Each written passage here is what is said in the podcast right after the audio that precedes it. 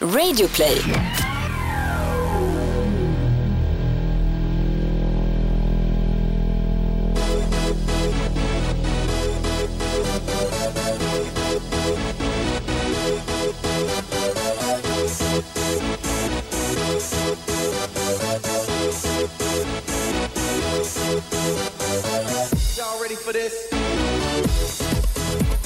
Gott nytt år och eh, välkomna till eh, Toto Baluttos andra kalenderår eh, på banan. Thomas, eh, det är väl eh, inte så att vi har tänkt att lägga ner under 2017 heller utan det här tåget har precis börjat rulla.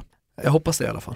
Och vi kan ju inte ha en eh, bättre gäst på det här tåget. Eh, Erik Niva, vi får se om han sitter i dressinen eller i första klass. Vad han själv väljer. Välkommen tillbaka Erik. Tack så hemskt mycket. Vi ska summera 2016 lite. Eh, annars brukar man ju börja sådana här avsnitt med en faktaruta. Har man inte hört Eriks faktaruta så finns den i avsnitt 34 som heter kort och gott Erik Niva och publicerades den 19 december. Det var en lång och matig faktaruta. Ja, så det var att, den eh, som var avsnittet eller? Ja, Ungefär så. Ungefär så. Det. Eh, det avsnittet blev så långt att vi ska bolla in en del lyssnarfrågor också. Men i det här avsnittet ska vi framförallt summera och minnas 2016. Fotbollsåret kanske framförallt. Eh, ni två har ju i mångt och mycket lite liknande yrkesroller. Eh, men eh, där eh, Thomas eh, sitter i Toto Balutto så sitter du i Viasats tv-studio.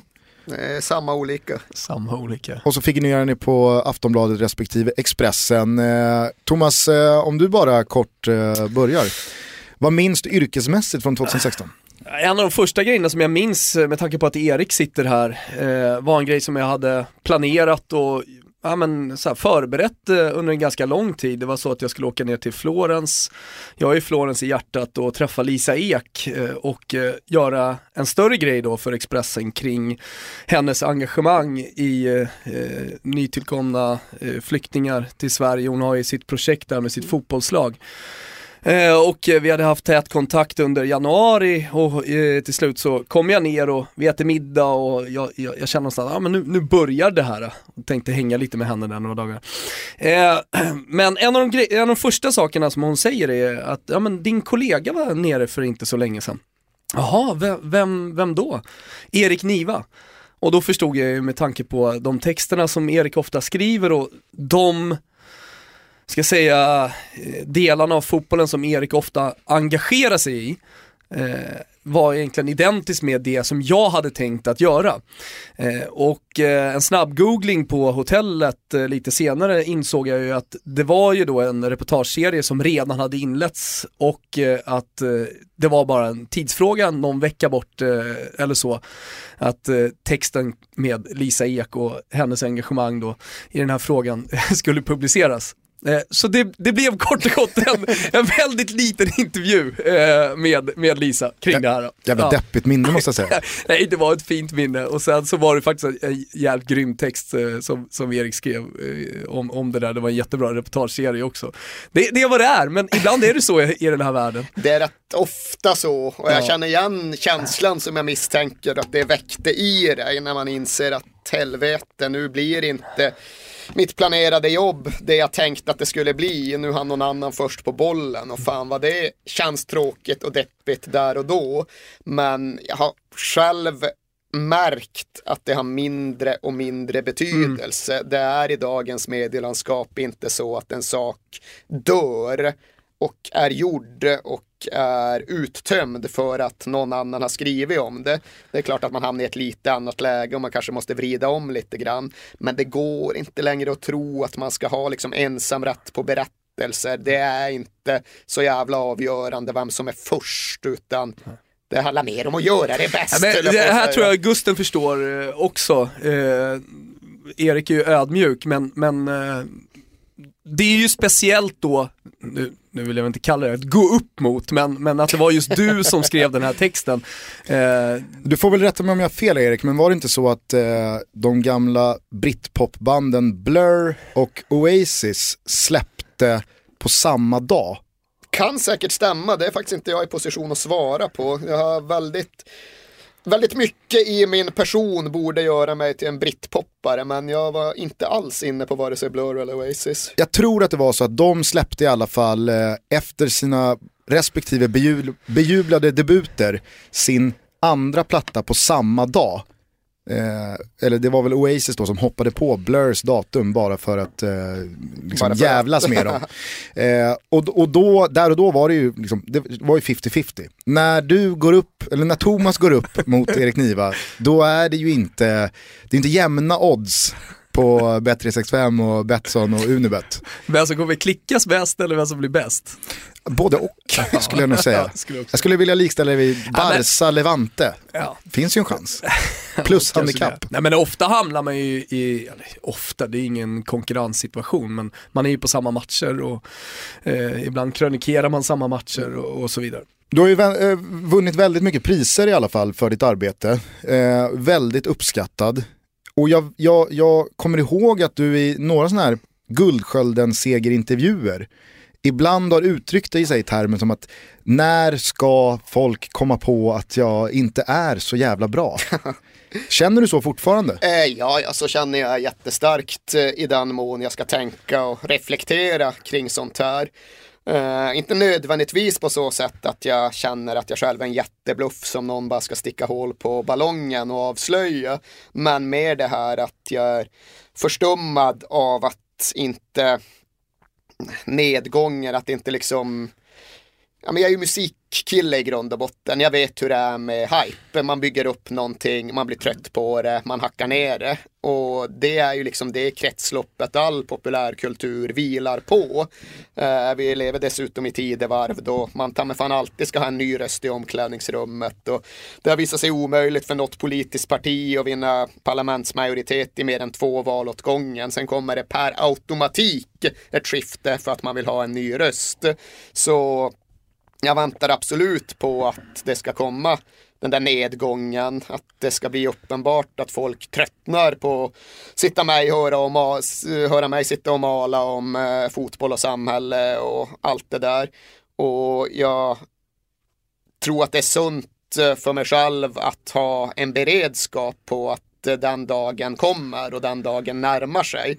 För ifall man på något sätt fastnar i att det här är någon typ av gudagiven situation, att folk alltid kommer uppskatta det jag gör, då tror jag det blir jävligt jobbigt den dagen då det inte är så längre. Eh, Så den tanken finns alltid närvarande. Du har gjort väldigt mycket, alltså skrivit böcker, du har eh, krönikerat på eh, otaliga mästerskap vid det här laget. Hur, hur känner du själv liksom, motivationsmässigt just nu? Alltså, det har ju blivit en förändring i och med att Eh, vi har varit inne i småbarnsåren. Hela livet förändras ju då och ens relation till yrket påverkas ju sannerligen också. Men jag tror att det som har varit väldigt bra för mig är ju att eh, medielandskapets extremt snabba förändring har tvingat mig att förnya mig själv. Och det har varit jättenyttigt. För hade det bara varit upp till mig själv så hade jag ju säkert blivit bekväm rätt tidigt. Då hade jag fortsatt skriva bara de här långa reportagen från Gaziantep i Sportmagasinet eh, som jag gjorde under 5-6 års tid när jag först började med det här. Men nu finns inte Sportmagasinet längre för medielandskapet förändrades. Vi skulle blogga istället och sen skulle vi podda istället och sen kom det sociala medier man skulle förhålla sig till och sen blev det webb-tv och sen blev det så kallad riktig tv och så vidare och så vidare. Så den där förnyelsen har någonstans skötts åt mig. Jag har aldrig behövt ta tag i den själv för det vete tusan om jag hade haft eh, kraft och eh, förmåga att göra.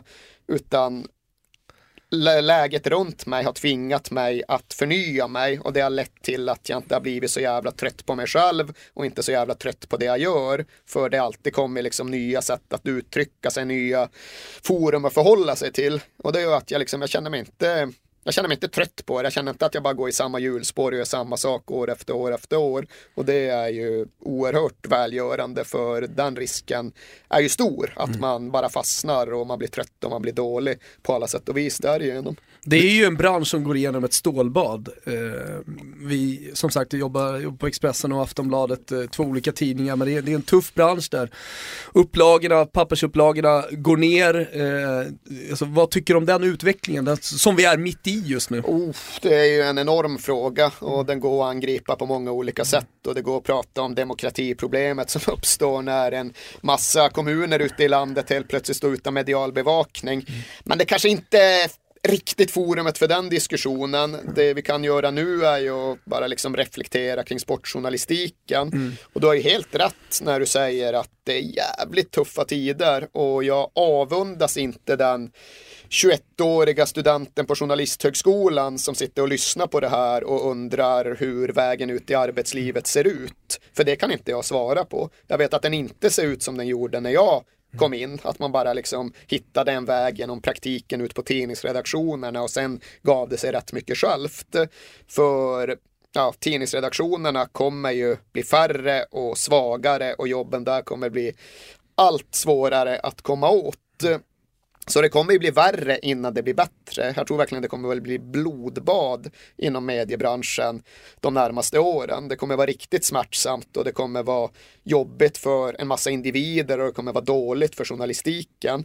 Men jag tror ju också att det kommer växa fram någonting annat på andra sidan. Liksom mediebranschen kommer inte dö ut, journalistiken kommer inte upphöra existera. Så det kommer ju finnas en massa bra arbetstillfällen, det kommer finnas en massa starka röster som skapar sig sådana själv och det kommer på ett eller annat sätt bli bra långt där framme någonstans. Men där vi står nu, där är vi ju på väg neråt i något som kommer bli jäkligt, jäkligt jobbigt innan det vänder uppåt igen. Dystopi, får jag, får jag känslan. Vill du ha en dystopi så kan du alltid ringa mig, egentligen oberoende av sammanhang.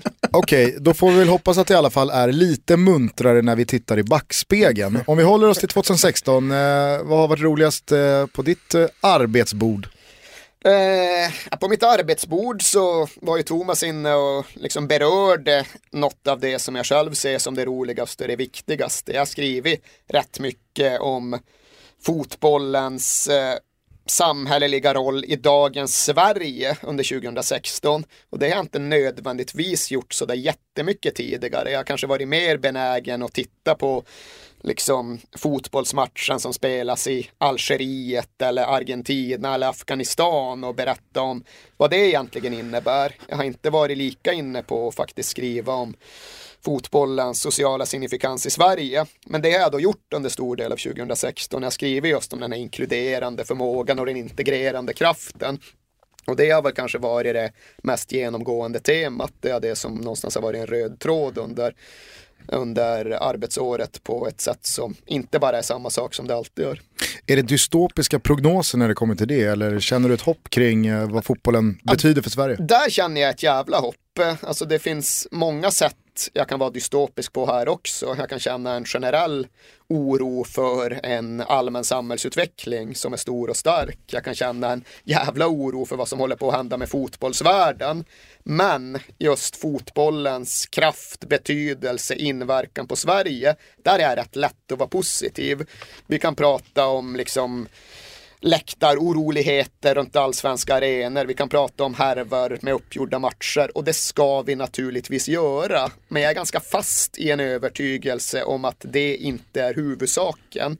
Det är inte det som är grejen med den svenska fotbollen. Bilden av svensk fotboll 2016-2017 är inte Olympia i Helsingborg minuterna efter att HIF tog ur allsvenskan. Det är istället alla de idrottsplatser, planer, ståplatsläktare som eh, välkomnar, inkluderar, integrerar. Och där är fotbollen en av de absolut starkaste och viktigaste samhällskrafter vi överhuvudtaget har i det här landet. Thomas, vet du vad det är dags för den 15 februari? Berätta. Det är dags för Toto-balunset som ah. vi har tillsammans med Grand Frank. Eh, råkar du möjligtvis ha koll på vilka åttondelsfinaler det är som spelas den onsdagen? Jag vet ju att eh, det finns några åttondelsfinaler som är lite mer intressanta och slår lite högre än andra. Jag misstänker att vi har valt den eh, bästa dagen. Ja, för när vi satt eh, vid ritbordet med toppdog Olof borta hos eh, Grand Franks så var det ju solklart vilken kväll vi skulle lägga Toto Balunset. Det är ju onsdag den 15 februari då det spelas matcher mellan Real Madrid och Napoli samt Bayern München och Arsenal. Det blir inte så mycket bättre buffé. Nej, det blir det inte. Och på tal om buffé och inte bli så mycket bättre. Vi sitter ju som du säger just nu i, på, vid ritbordet och planerar den här festen. Och för varje minut som går så inser man hur jävla bra det kommer bli, eller hur? Inbjudningskorten skickas i dagarna ut från Mm. Grand Frank till alla er som eh, använder Toto Balutto-koden Mm. eh, under december månad. Ni har alla en plats på festen. Osa om ni kommer eller inte. Det kommer vara glasklart eh, i det inbjudningskortet ni får vad det är som gäller. Men osa innan den 22 januari så att vi och eh, Grand Frank vet hur många vi blir och eventuellt om vi behöver eh, ställa några ytterligare platser till förfogande. Glöm inte heller att ni under hela januari har 10% med samma kod Toto Balutto. Eh, det finns en jäkla massa snygga grejer på grandfrank.com. Eh, det vet inte minst eh, Martin Åslund som kommer att gästa oss i nästa avsnitt. Ett jävla härligt avsnitt. Ja, ett supertrevligt avsnitt. Eh, helt klart Grand Frank-kompatibel, den gode Martin Åslund. Eh, sen eh, kan vi säga det att det, det kommer ju hända massa roliga grejer framöver också. Det är Toto Balonset och vi, vi, vi har mycket planer ihop med våra nya vänner på Grand Frank. Sen så kan vi väl eh, säga att det kommer ju komma en Toto Balutto-favorit till Toto Balunset också som en liten eh, hemlig gäst. Exakt. Så att eh, kom nu för guds skull på det här eh, balunset. Osa i alla fall så att vi vet. Eh, och gör det när ni får inbjudningskortet från Grand Frank. Nu fortsätter vi krönikera 2016 tillsammans med Erik Niva. Om vi ska bara grotta ner oss i några enskilda händelser som har stuckit ut under 2016 så känner jag att jag agerar lite dirigent och så får ni spela på de instrument ni vill. Bas. Vad har du för go-to-instrument? Blockflöjt. Ja, just det. Fan Thomas- vad det var tråkigt. Thomas Kommunala musikskola, du måste spela blockflöjt i 18 år innan du får testa något annat. Vi, skulle, vi, vi gick på ett julbord, jag och Thomas och våra tjejer eh, i mitten på december och så var vi inne i en leksaksbutik innan vi gick dit och Thomas drar fram en blockflöjt och eh, brände av två fullständiga låtar. Jag tror jag brände av fyra bugg och Coca-Cola samt Edelweiss. Kan det ha varit så? Stark ändå repertoar får man ju säga. Det var väldigt Fyra märklig bugg stämning. Coca-Cola är liksom, det är så här upptempo, happy go lucky-låt och göra rättvisa på blockflöjt i en leksaksbutik. Finns det rörligt? Som man frågar i den här branschen nu för tiden. Tyvärr, tyvärr. Men jag kan meddela att det var pärlor åt svin eh, till döttrarna, fem och sju år gamla. De hade ju ingen aning om vad Thomas fick feeling till och spelade. Så är det inte så att strofen är fyra bugg och en Coca-Cola, spela freestyle med fräck musik. Exakt, sen gjordes ju den om, för det var ju, man fick inte säga Coca-Cola i Melodifestivalen Ah, och på, det. på SVT, så det blev nog Boogaloo dansa Så rock'n'rolla var det ja, så var det ja. när, eh, när den spelades i Melodifestivalen. fan, Ska Kimpa kanske lägga in en liten snutt av eh, det här mästerverket?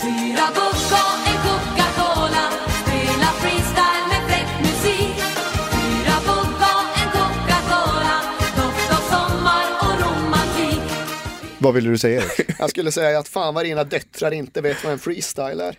Ja, verkligen inte, verkligen inte. Det är andra tider. Du, du kan aldrig använt en freestyle Gusten. Jo, herregud. Eh, det hade Med jag. kassettband. Ja, Ja, Absolut. jag är bara tvungen här för jag är inte helt säker. Jag hade ju, spenderade Fick- många stunder på rummet och gjorde egna blandband. Jag ja, fick i- fan vad fin, vilken, Rec- vilken konstform det är. Recplay Ja. I ett dubbeltryck. jag fick ju en eh, eh, vattentålig freestyle. Eh, en gul vattentålig som jag tyckte var så häftig. Dagen efter så ska jag testa den här och så lägger jag mig i ett bad och jag tänker att den här är helt vattentålig. Så jag slänger ner den. Det var ju tur att, tur att den inte satt i, i liksom ett eluttag den här. För då hade jag blivit en kolbit. Det vart eh, 7 volt i alla fall in i, Du, i jag är öronen. rätt säker på att jag hade samma modell, den här gula med så här lucka man liksom. Exakt. Jajamän, ja, den hade jag också. Ja, jag hade dem jag en badade dag. badkar med den. Sen fick jag ta syrras gamla och pappa köpte minsann inte en ny. Jävla idiot alltså.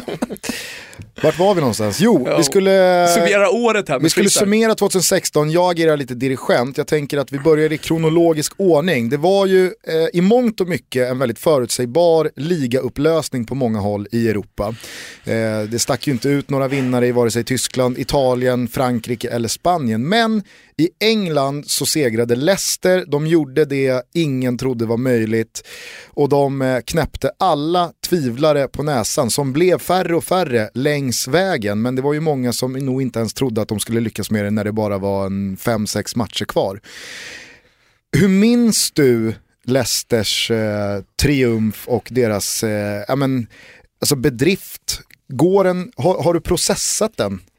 Nej, det är väl svårt att göra. Och nu är det ju lite speciellt och dubbelbottnat för mig i och med att det i alla fall upplevdes som att de stod mot Tottenham under slutspurten. Och jag har ju gått runt i hela mitt vuxna fotbollsliv och efterlyst den här typen av supersensation. Den här sortens chock som ingen människa kan se komma. Och när den väl inträffar så nog fan är det Spurs som får lida på den.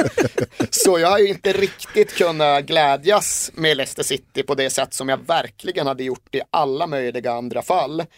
Eh, men det är ju ändå så att ska man på något sätt summera betydelsen av det de lyckades med så var det inte bara det att de knäppte tvivlarna på näsan vad gällde Leicester City, utan de gav ju ett argument eller ett bevis beroende på vilket ord man vill använda för att alla vi som tvivlar så mycket på den moderna fotbollen och dess förutsägbarhet kanske har fel ändå.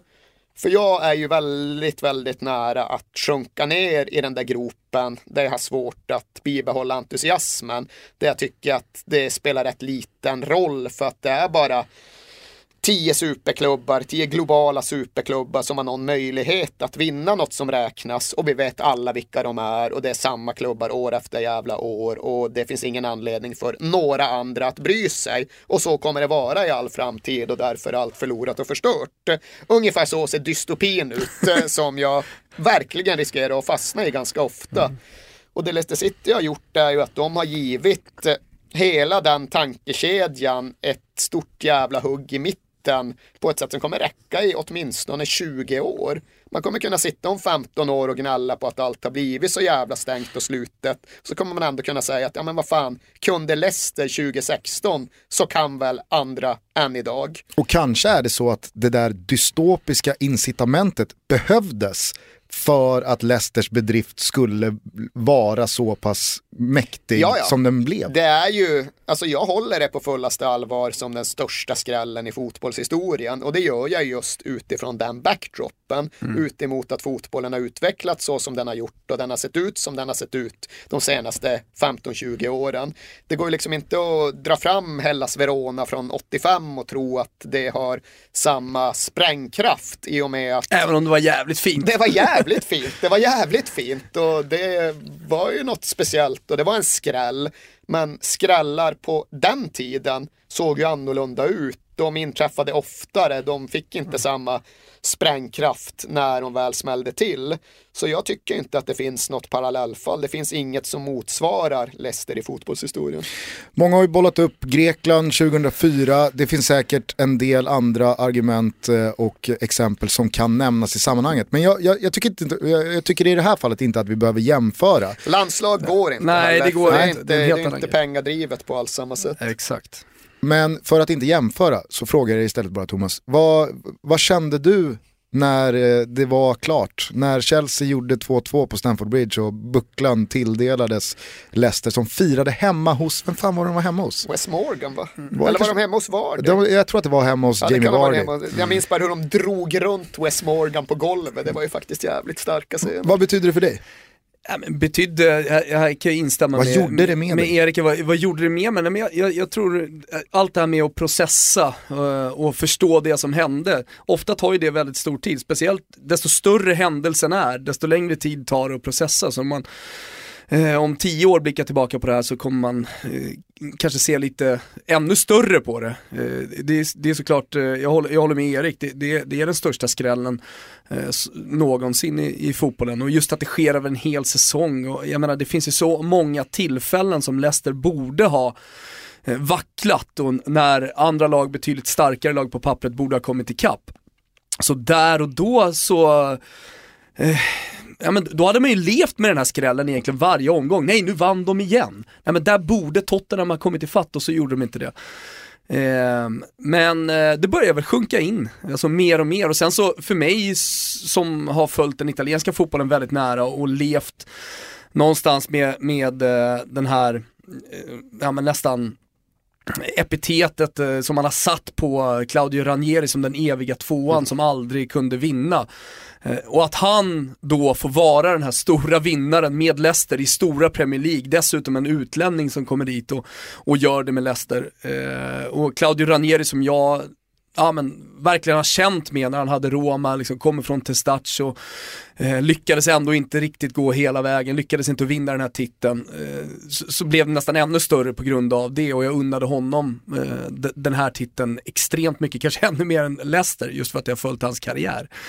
Eh, så, så för mig så var det väldigt mycket Claudio Ranieri eftersom jag läser mycket i de italienska tidningarna så har ju faktiskt det här varit eh, sen ligatiteln eller hela, de, hela den säsongen sen de tog första platsen och sen varit med i toppen varit en huvudnyhet i Italien. Det sätter väl också lite perspektiv på, på bedriften tycker jag om man ser på internationellt sett om man tar italienskt perspektiv att, att han fortfarande än idag liksom, drar ner eh, rubriker och att Leicester fortfarande kan vara en första sida i La Gazzetta dello Sport, det, det har liksom aldrig hänt i italiensk media tidigare. Du var inne på det lite Erik, att man om 20 år fortfarande kanske hittar någon tröst i att eh, kunde Leicester då så, så är det fortfarande möjligt. Jag måste bara återanknyta till det där att jag upplevde det som att det för första gången smittade av sig på människor som inte var alls bryr sig om internationell klubblagsfotboll. Att till och med de noterade, tog till sig vad det var som hände. Min mormor pratade om Leicesters ligaguld i Premier League för att till och med hon hade greppat hur sensationellt det var. Och i de termerna så känns det som att det gjorde någonting även för mänskligheten. Ja, men det, dels är det väl det här med att alla gillar alltid en underdog. Det spelar ingen roll vilka omständigheterna är, det spelar ingen roll vilket sammanhanget är. Man gillar den enskilda människan som eh, är maskrosbarnet som går hela vägen från den fattiga uppväxten till att bli eh, president eh, någonstans. Man gillar den berättelsen, man gillar den kanske extra mycket inom idrotten för att den blir extra tydlig där. Man gör fortfarande filmer om Miracle on Ice i OS-hockeyn och det här blir ju någonstans vårt Miracle on Ice. Det blir Eh, det vi kommer ju filmer om för jag tror att utöver det där med att alla gillar en underdog så finns ju också det här som vi var inne på att jag tror egentligen alla som är fotbollsintresserade mer eller mindre utan undantag känner det vi alla känner att det har blivit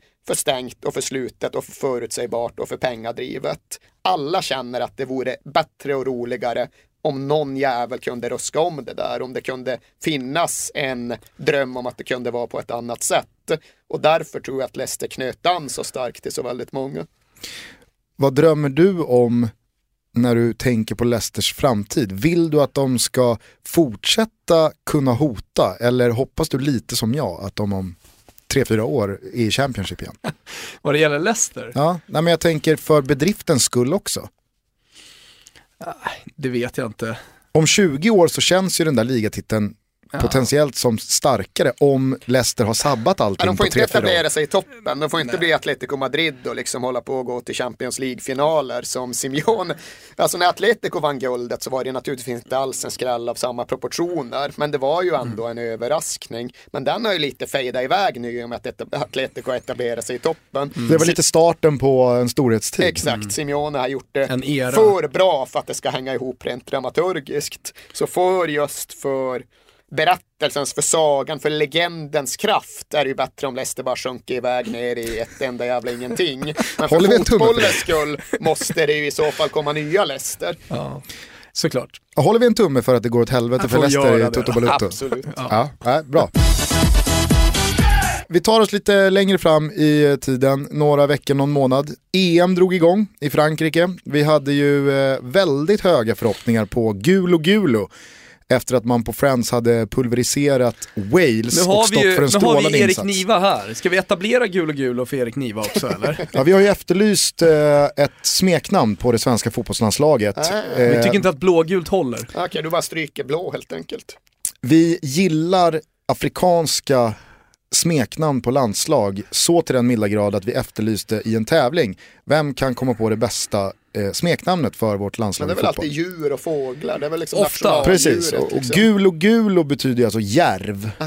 på latin. Så att det är Bubo ju... bubo betyder berguv, men det är svårare att knyta kanske. Men jag gillar bara den latinska klangen. Ja, men det blev en sån perfect match då, att järven är ett eh, signifikativt djur för Sverige och att namnet då är gulo gulo. Som, Mm. ja. Fan vad ni aldrig har sett en järv livslevande, ni som sitter här nere På i Skansen. storstan. Ja, Alltså, men vad fan, järven var ju på Skansen, där, där djur man aldrig fick se. Nej, alltså den, Det stod gul och gul och där järv och så tittade man in och så, vad händer där nej, det är egentligen? ju aldrig liksom, det är ett stort jävla häng. Ja, Det ja. finns ju inte ett skit. Nej, nej, Ja, det, är inte, det är inte valuta för pengarna borta hos järven. Nej, det är det inte. Så mycket kan man Nej, vi, säga. var, ju- alltså, vi var ju rädda för järven hemma. Järven hade ju alltid dragit fram på fjället. Och den är inte så stor men det är en lumsk aggressiv jävel alltså. Eh, Attackerar människor? Nej det gör den väl i grund och botten inte men Om den kan, den blir säkert, den kan säkert ge undantag. Om man tittar den i ögonen. Den river renar. Men det har landat bra i alla fall hos våra lyssnare. Spontant, börjat vad känner du kring gulo gulo? Ja men jag, jag köper gul och gul och som sagt jag är en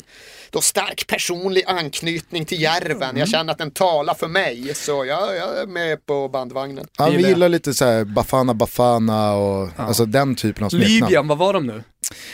Ja, Medelhavsriddarna. Medelhavsriddarna. Men så här Kartago-grejer då, eller de har väl Tunisier i och för sig. Ja, Sen så var det ju kopparkulorna, Det är kopparkulor hade Zambia? Zambia. Ja. Men annars är det mycket Uganda, där- där var så här- Martin Mutumbas Uganda är The Cranes och någon jävla fågel som ser konstig ut. Liksom. Mm. Och så har vi då, då de klassiska, de otämjbara lejonen och super Ja, Gärna ett och adjektiv också. Ja exakt. eh, Men Gulo Gulo eh, segrade starkt. Hur som helst, vi var inte, det var inte det här vi skulle landa i, utan eh, vad åkte du med för känsla till Frankrike?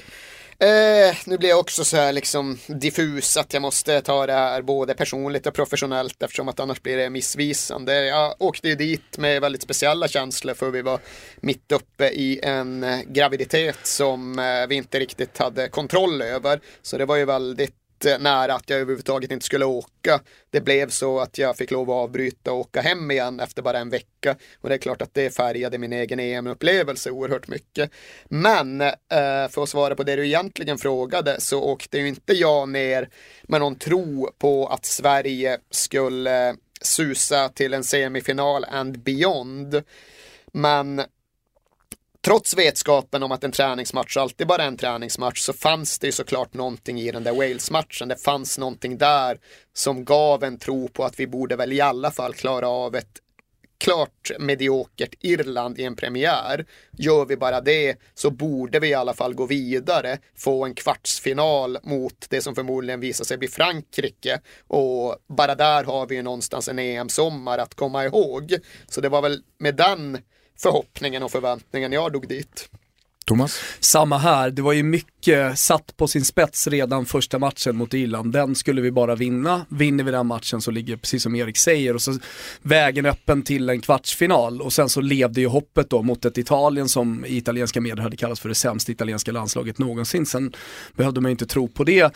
Eh, men eh, sen också mot ett belgiskt landslag som, ja men trots det fina laget som det var på pappret inte hade imponerat i landslagssammanhang. Alltså, tycker jag i alla fall, trots att man gick i kvartsfinal i VM i, i Brasilien. Och om man också såg då deras väg till EM under EM-kvalet så var inte jag jätteimponerad. Eh, så det fanns en viss, nej men så här, vinna mot Irland och hoppas på bra resultat mot eh, Italien-Belgien. Men, men eh, just att allting ställdes på sin, plats, eh, pl- eh, sin spets direkt i matchen mot Irland och den besvikelsen efter den matchen.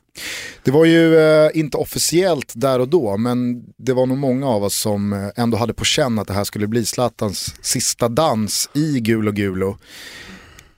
Närde du en dröm eller en förhoppning eller en tanke om att nu så kan han göra det som jag i alla fall, jag vet inte om du håller med mig, kände att han aldrig riktigt har, alltså han aldrig riktigt lyckades med i landslaget, att faktiskt bära oss i ett mästerskap och göra någonting exceptionellt där. Ja, nej, men det är klart att det fanns med och det var ju ett av de verkligt starka argumenten för en gyllene svensk EM-sommar. Det var lätt att eh, hitta svagheter i det svenska laget, men skulle man lägga på saker i den andra vågskålen så fanns ju verkligen Zlatan Ibrahimovic och inte minst hans någon slags dramaturgiska kapacitet man hade den där känslan av att ja, men, det kommer väl bli bra, för det måste ju bli bra, för Zlatan Ibrahimovic skriver inte olyckliga, sorgliga, intetsägande slutkapitel. Eh, så den förhoppningen fanns ju absolut där om att det är klart att Zlatan kommer att göra något exceptionellt. Han kommer lyckas med någonting som gör att landslaget dras med. För det är så Zlatan Ibrahimovic funkar. Det är så hela hans karriär har varit. Och på så sätt blev det också en lite extra så här antiklimaktisk, jaha vad hände nu då känsla när allt bara tog slut och allt bara var över även för honom. Alltså, lämnades också med den känslan i kroppen när Sverige åkte ur? Att det, det vart ett sånt, vad fan var det här för EM? Ja, absolut. Sen hade jag då spenderat eh, de här första två veckorna av EM tillsammans med de svenska supportrarna för jag hade eh, den rollen, när vi pratade om vad media håller på att utvecklas till, eller sport, sportjournalistiken så eh, Expressen sände ju live 16 timmar under hela VM varje dag och min uppgift var att vara bland supportrar. Jag är väldigt tacksam för att jag fick den rollen också. Fan vad jag skulle vilja prata om Expressens live-tv-strategi här, men jag misstänker att det kanske inte är forumet. Nej, men, men det, det blev för mig så blev det ju nästan som att jag åkte ner som en supporter i och med att jag hela tiden var bland supporterna och, och smittades av det snarare än att jag liksom gick runt och tänkte på ehm, ja, men, nästa krönika eller liksom eh, analyserade det svenska spelet. Dels också på grund av att jag kunde se, jag har aldrig sett så lite fotboll under ett mästerskap för att man hela tiden var tvungen att förflytta sig då mellan olika platser. Jag kom ofta 20-30 minuter sent in på Sveriges matcher när jag kom in på arenan. Så det var väldigt svårt för mig att hänga med i liksom det fotbollsmässiga. Eh, så, så jag kände nog precis samma sak som alla svenska supportrar, dels hemma men för all del de som hade varit på plats. Och Eh, jag måste säga att de flesta var ju optimistiska inför varje match. Hur uselt den såg ut mot, mot Irland, så har man åkt till ett mästerskap, eh, planerat under kanske ett års tid, ett halvårs tid, eh, så tror jag att man liksom man, man stöter bort det där negativa, trots att det ser uselt ut mot Ir- Irland så tror man ändå på det. Vi ska ta Italien och i sista matchen mot Belgien så levde hoppet fortfarande, men vi tror på det. Det var i alla fall eh, 95% av alla jag pratade med och det var väldigt många, eh, liksom, ja men hade tro. Det, jag, jag, jag liksom flöt med i det och därför blev nog besvikelsen ännu större. För när jag pratade med många kollegor som var på plats där så, så, så hade man ju mer eller mindre tappat eh, allt hopp om att vi, vi skulle ta oss vidare inför den här Belgien-matchen. Eh, Så, så det var nog eh, alltså, som, nästan som supporter då eh, enorm besvikelse och tomhet tror jag många eh, kände efter också och det gjorde jag med. Vi verkar ju vara rörande överens om att Sveriges insats eh, var en väldigt stor besvikelse. Vi får väl se om det blir eh, en ny chans i Ryssland 2018. Vi har onekligen fått en bra start under Janne. Men om vi bara ska lyfta ur Zlatan och sammanfatta hans tid lite känslomässigt i landslaget. Vad skulle du vilja säga då? Vi alla vet att han eh, blev eh, våran meste målskytt, ganska så överlägset. Eh, att han är Sveriges största fotbollsspelare genom tiderna, det är nog inte så många som jag har så mycket att säga om, om man räknar in hela karriären. Men just landslaget, vad uträttade han för dig i landslaget?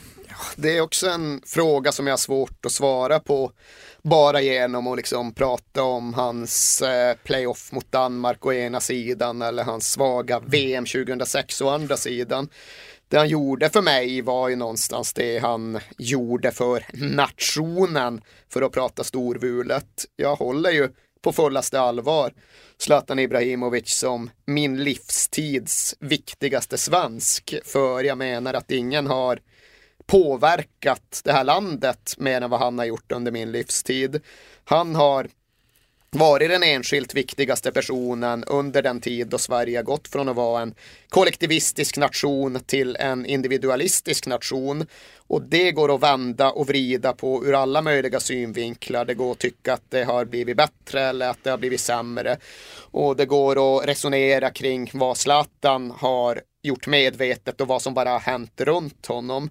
Men det är i alla fall hans arv och hans sammanfattning och i den finns ju framför allt hans förmåga att inspirera och ge kraft och ge drömmar till många ungdomar där ute som kanske annars hade haft svårt att hitta dem. Men finns det någon tagg i dig som ändå känner att, att det aldrig riktigt flög under ett mästerskap? Ja, det är klart att det gör det. Det är klart att det gör det. Det borde det ju ha gjort. Eh, och ja, jag vet inte vad tusan man ska säga om det, Mm. mer än att jag känner ju precis som du känner att det lyfte aldrig riktigt och närmast var det väl egentligen 2004, både för Zlatan och för laget i stort, för det laget var ju Mm. riktigt, riktigt bra och de spelade i ett mästerskap som faktiskt var ganska svagt. Hade de bara besegra Holland, vilket de borde ha gjort, så vet det tusan om de inte hade varit det starkaste laget kvar i turneringen. Det var inom räckhåll att Sverige skulle vinna EM-guld då. Och ja, nej, den taggen finns där. Vad säger du? Absolut. Eh, det var en lång utläggning, så jag håller, jag håller helt klart med Jag tycker Erik, inte ska behöva men- förta någonting från Zlatans eftermäle, men att vi inte riktigt, alltså det känns lite som att man blev snuvad på Zlatans stora sommar. Ja, men, men det är också som, som Erik säger, alltså det stora förhoppningen var ju 2004, den stora chansen var 2004, sen så hade vi Men var eh, det så om- jävla mycket Zlatan då? då?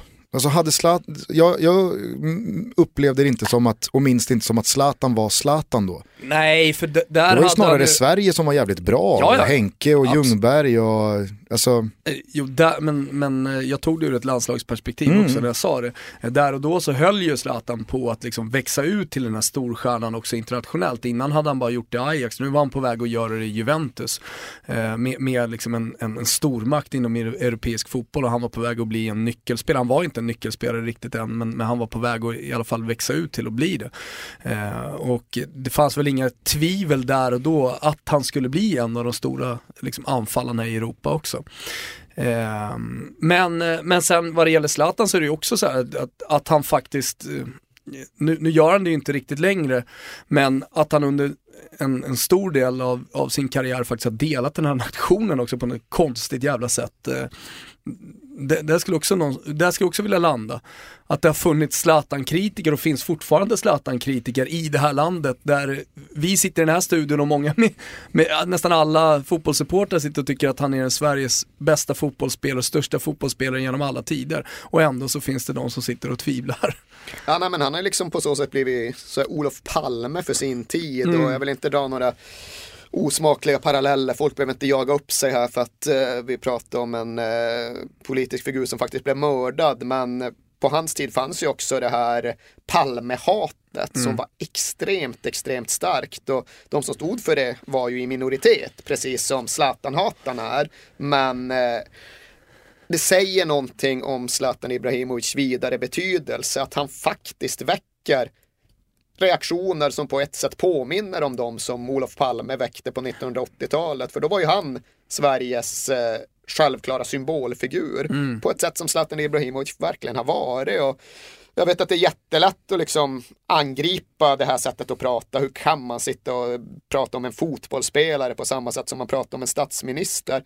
Ja, men man kan faktiskt det när det kommer till just eh, symbolvärde och liksom position i en samhällsförändring och så vidare och så vidare. Och jag tror ju att det är just det som gör att Zlatan har väckt så starka reaktioner. Hade han bara varit en skicklig fotbollsspelare, då hade ju Sven-Åke ute i stugan struntat i vilket. Då hade han kunnat tugga i sig det där. Nu blev han ju istället symbolen för just ett land som förändrades och det är mycket svårare för Sven-Åke att förhålla sig till. Jag kan ju skriva en krönika där man nämner Zlatan eh, efter att ha gjort ett hattrick eh, liksom positiva eh, ord och eh, ändå få liksom, 40 mail från folk som menar, ja, men, menar på att Zlatan inte alls är någon stor fotbollsspelare. Hur kan, du, hur kan du hylla Zlatan efter de här tre målen? Ja, det är ingen som kommer undan det. Jag pratade bara tidigare idag, eller rättare sagt Mm. jag pratade med en kille som samtidigt pratade med Aftonbladets London-korrespondent Peter Wennman som var genuint överraskad över att det fungerar på precis det sättet som du berättar om. För han har egentligen aldrig skrivit om Zlatan tidigare. Han har ju haft sånt oerhört fokus på Premier League och på det engelska landslaget och Svennis och allt det där. Ska vi bara spela in lyssnarna på Peter Wennman? Är Behövs det alltså? Han är Ja, inte, men jag, han är jag, inte jag, självklar jag, längre. jag tror så här. I och med att han är Sveriges överlägset mest pluslåsta Han vill ju vara plusslåst, han tycker det är bekvämt bakom gallret. så kan jag tänka mig att det finns många i Toto Balutto-lyssningsgenerationen som aldrig har eh, betalat för Wennmans texter. Och då kanske, men det är Sportbladets eh, Englandskorre, Ja. Premier League. Korrekt. Och har bevakat det, det måste vara en bra bit över tio år. Ja, det är det ju. Han slog väl verkligen in på det spåret när Svennis blev engelsk förbundskapten. Så säg 15 år, ganska prickig. Men i alla fall, han har ju då börjat skriva om Zlatan sen eh, han flyttade till Man United av förklarliga skäl. Och det är väl också så att eh, just hans läsare, plusläsarna, de är generellt sett kanske lite äldre. Det är de alltså. gamla papperstidningsläsarna. Det är Sven-Åke-figurerna, ifall jag nu ska slänga mig med en lite väl okej. nedsättande raljans kanske, men i alla fall. Och det innebär ju just att han fattar ju ingenting att de här reaktionerna dundrar in med sån kraft och sån frekvens. Just han skriver en krönika när Zlatan har gjort två mål mot West Brom borta. Och varit- Precis som han gjorde med Fredrik Ljungberg en gång i tiden. Jo, jo, det jo. kan vara. Och det väckte ju vissa reaktioner men inte tillnärmelsevis eh, något som går att påminna om det här. Och han är ju liksom, vad fan, han gör två mål mot West Brom, han avgör matchen, jag skriver detta och att han är bra. Och folk blir rasande, vad fan är det frågan om liksom? Om vi eh, släpper eh, Zlatans eh, väldigt händelserika 2016 och ger oss tillbaka till Frankrike så fortsatte ju Europamästerskapet efter gruppspelsfasen, efter att Sverige hade åkt ur. Väldigt många charmades av Island och förbundskapten Lars Lagerbäcks bedrift där. Hur ser du tillbaka på vad Island uträttade i Frankrike? Ja, nej, det här blir ju också en eh, svarsutläggning med reservation för att det var så jäkla speciellt för mig. Sättet jag följde det på för första gången på mer än tio år så var jag ju inte på plats under hela mästerskapet och såg det på så sätt utan jag följde ju alla de här matcherna från min mobilskärm från neonatalavdelningen på Södersjukhuset så jag fick ju ett mer distanserat förhållningssätt till mästerskapet än jag brukar ha. Men jag vet inte om jag därmed är lite orättvis när jag sammanfattar EM-slutspelet som ett mästerskap som satte ovanligt få djupa spår i mig. Jag har inte så där jättemånga jättestarka minnen därifrån, förutom Island, förutom Wales, som jag tycker blir lite bortglömda kanske i Sverige för att vi eh, pratar så väldigt mycket om Island och Lagerbäck. Men det är de två grejerna som jag verkligen minns som starka och också för att de någonstans går i linje med det som jag gärna vill se lite som ett år då fotbollens underdogs tog vissa revanscher där ute, där Leicester vann och så vidare och så vidare. Där gjorde också Island någonting historiskt, där gjorde Wales någonting historiskt. Och utöver att Eder sen dunkade in den där bollen i förlängningen så gjordes det väl inte så där jättemycket historiskt i EM den här gången. Ja, det var ju historiskt, att Eder skulle skjuta in den där bollen. Den jinxade vi in. Ja, det gjorde Över vi. Vi drygt började redan, och Gusten, VM 2014 och jinxa in Eder som eh, EM-hjälte. Ja, det är strävsam vinner eller hur man nu börjar- brukar säga. Vad eh, säger du, vad, vad, vad etsade sig fast på din näthinna från Europamästerskapet 2016 postgruppspelen? Ja, men det går inte att komma ifrån att, eh, att Island var en väldigt stor sak också nere i Frankrike. Så blev det ju så att den här ramsan eh, liksom tog över hela, hela EM. Till och med Frankrikes eh, supportrar eh, liksom på hemmaplan anammade den där och började köra vulkanen. Körde det nu före Sverige-matchen också i november. Ja, och i och med att jag var så nära supportrarna hela tiden Eh, så, så, så blev det ju väldigt mycket supporterrelaterat också som, som blev mitt mästerskap. Så Will Griggs och hela den ramsan levde ju också med hela, hela mästerskapet. eh, eh och, och, och med Wales framgång och gå hela vägen till semifinalen så blev ju det också väldigt starkt. Man satt och ja, återigen då höll på underdogen. Eh, så, men, men att det sen också dog lite, för mig i alla fall, inför finalen. Eh, då hade jag dessutom rest hem och var på hemmaplan, så mitt EM var lite över. Jag brydde mig väldigt lite, alltså, så det som, det som jag minns från EM i Frankrike var just alla fantastiska stunder med supportrar. Det är långt från bara svenska utan supportrar från, från alla länder och den gemenskapen. Jag har aldrig, det var mitt första mästerskap som jag jobbade med. Förutom vår lilla avstickare ner till U21 Gusten. Mm. Eh, när vi gjorde på, på eget bevåg eh, och det blev ju lite ar arbete med det men eh, eget bevåg åkte vi gjorde Italien mot England. Ja, Eh, men- Den sista matchen och det blev återigen då en biscotti och väldigt många arga italienska eh, röster, de som var på plats eh, och till och med hot då från spelare. Storaro hotade ju livet ur mig bara för att jag ställde frågor kring det där. Fan han är aggressiv Storaro alltså. Men, eh, Superaggressiv. Nej men eh, så, så ja, den värmen och all gemenskap och supporterkraften återigen, alltså man talar om det och ibland kanske folk tycker att det är lite raljerande men, men, men att fotbollen som idrott är så speciell på grund av den starka passionen som finns liksom utanför fotbollsplanen. Nu var det ju väldigt mycket Vulkanen och Will Griggs on Fire, men Wales-supportrarnas ramsa, alltså den här Don't, take, me home, please don't take me home, I just don't wanna go to work. Det kändes som att den var, eh, vad säger man, eh, the theme song för hur det också såg ut på planen. Du nämnde det lite kort i förra avsnittet du var med, att liksom Bale sprang runt och gjorde verkligen allt han kunde för att det inte Ja, men skulle ta slut. Tatuera tröjan på torson och så vidare. Ja men där kändes det just att ja, men Wales, eh, förkroppsligat av Gareth Bale, spelade mästerskapet som om det vore någonting historiskt. Vilket det ju naturligtvis ska och måste vara.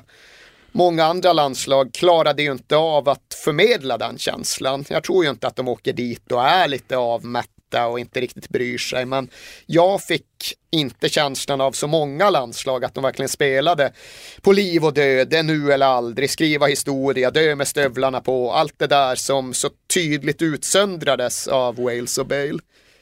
Var väl Ett- Spanien var ju andra änden av det. Ja det var de Aspektet. verkligen, men, men ett landslag som man ofta har stor tro på var det italienska landslaget som faktiskt också spelade med Ja, jo, de den känslorna. Spanien-matchen, absolut, den minns man ju tydligt. Men eh, du, ja, du var ju också nere och ställde till oreda. Men eh, om du ska vara någon form av utslagsröst här, eh, färgas mitt intryck just av att jag inte var på plats eh, och att det i själva verket var ett mästerskap som var precis lika känslostormande som alla andra mästerskap? Eller finns det någonting i min eh, lite distanserat avmätta känsla av att det aldrig riktigt lyfte? Jag tror att eh, det, det hänger väl ihop dels med hur det såg ut utanför Sveriges eh, grupp och matcher. Men framförallt för att Sveriges insats var så blek och en sån besvikelse att det, det spillde lite över på, på det, det totala intrycket. Så upplevde i alla fall jag det. Att den besvikelsen jag kände när Sverige åkte och Nangolan bombade in det där målet var att, ja men, fy fan vilken, vilken pyspunka bara. Jag har ju den här farhågan om att det finns en risk i dystopins tecken att mästerskapen framöver inte kommer vara riktigt vad mästerskapen var när man var liten. Och det är inte bara för att man har blivit trött, vuxen och cynisk. Det är för att landslagsfotbollen konsekvent och generellt förlorar i status. Därtill kommer ju hela den här mörka perioden då mästerskapen spelas i Qatar eller några konstiga ambulerande EM-cirkusar. Så jag befarar att vi står där 2026 och har inte samma politiskt påverkade känsla kring mästerskapet längre. Det är inte det som hela fotbollsåret kretsar kring på samma givna sätt. Jag tror att en aspekt man glömmer bort också när man summerar EM16 är ju att det var det första EMet med 24 lag och jag tyckte att det fick en negativ inverkan på gruppspelsfasen. Tidigare så har det varit väldigt mycket mer på spel direkt. Nu kändes det som att det fanns en köksdörr hela tiden att ta, att det blev lite mer avvaktande. Ja, men var inte motsatsen av det att då var inga matcher döda i slutrundan? För tidigare var det ju ofta att ja, Holland skulle möta Argentina i VM 2006 och jävlar om man såg fram emot den matchen. Tills det var uppenbart redan innan den spelades att båda lagen var klara. Det blev 0-0 och ingenting liksom. Jo, men jag måste säga att får jag välja så tar jag hellre att det eventuellt blir några sådana matcher på ett mästerskap i den tredje rundan. Än att det blir lite alltså, lite mindre intensitet, lite mindre laddning redan från start. För att jag kan tycka att det fanns någonting i det här att gå, jag promenerade hem från Stade France till, eh, vad hette det vi bodde, Montmartre. Tog en och en Det är halv timme. en bit alltså. Ja, det tog 1.45. Alltså, Måste det, över det här motorvägssystemet Ja, ja, ja, ja. också. Ja, Också bara fint att du säger, vad heter det där, där vi bodde? Montmartre, det är ingen som har hört om det. Nej. Ehm, nej men under den, jag ville ju nästan, alltså jag inledde den promenaden helt nertryckt i skorna. Det var, det var en, en kolsvart tunnel. Ja, men det I var väl slutet lite för att det den- såg ut i som det gjorde också. ja, men- det hade varit jo, en sak om vi hade missat tio chanser Fast i varit slutet av den laget. promenaden när jag hade pratat med Thomas som var så här, ja men vad fan vi tog en pinne. Det, det lever ju det här, för fan. Alltså, jag var ju också påverkad av att stå på Rue de Lapp med 5000 svenska supportrar som trots allt fortfarande sjöng och trodde på det. Jo men vad fan, det jag var ute efter det var att jag ville, jag, jag, jag tyckte att det liksom, jag tyckte att Sverige inte skulle haft chansen på avancemang så sent in i turneringen som vi ändå hade det. När vi var så dåliga. Starka minnen när eh, irländare, irländare bokstavligen rullade ner för kullarna där på Montmartre dagen efter. Vi skulle göra någon sändning, sju på morgonen skulle man ju stå uppställd. Eh, den bakfyllan i Montmartre har de nog aldrig upplevt tidigare. Nej, det går att tycka mycket om den irländska supporterkulturen och de lustiga hattarna och leprechauns och allt vad det nu är. Men fan, jag gillar den ändå. Win or lose, they're there for the booze. Allt. Ja, jag, jag har i grund och botten inga problem med dem. Vi är fortsatt sponsrade av eh, Betsson och vårt samarbete kommer att rulla på här ett tag. Det blev ju lite av en succé, Toto-trippen under december där man alltså kunde rygga antingen mig eller Gusten i en trippel på Betsson och så hade man då chans att vinna. Eh, förut då matchtröjor, men för all del också en plats på den supermiddag som kommer gå av stapeln tillsammans med mig och Gusten här om eh, ett par veckor. Eh, och som sagt, det här rullar vidare. Nya chanser till att vinna en eh, plats eh, på en härlig, trevlig middag tillsammans med mig och Gusten finns fortfarande. Vad ska man göra då? Jo, man ska helt enkelt rygga våra tripplar på Betsson. Och eh, den första gick av stapeln i helgen. Hur gick det för dig Gusten? Ja, men det gick ju lite, lite stolpe ut. Jag hade ju eh, tvåmålsseger för eh, Napoli mot Sampdoria. Satt ju hårt inne med Napoli-seger, men eh, i och med att Tonelli fick in eh, 2-1 målet så sent som i 95 så, så var ju den där handikappsegern eh, långt borta. Och inte heller Lazio lyckades ju tvåla dit Crotone med mer än en balja. Juve gjorde ju jobbet såklart. Eh, det var väl ingen som trodde något annat. Men eh, ah, lite motvind. Jag trodde ändå att både Napoli och Lazio hade lite mer krut i bössan än knappa uddamålssegrar. Själv då? Ja, men det är ju sådär ibland. Händer det ja, lite knasiga grejer i fotbollen. Till exempel då att det snöar i södra Italien. I Pescara så kom det ner 10 cm snö och då går det inte att spela fotboll. Det fanns ju inga snöskyfflar i Pescara. Eh, och det är faktiskt true story. Nej, så att eh, den matchen var postponed, så min trippel blev ju en dubbel.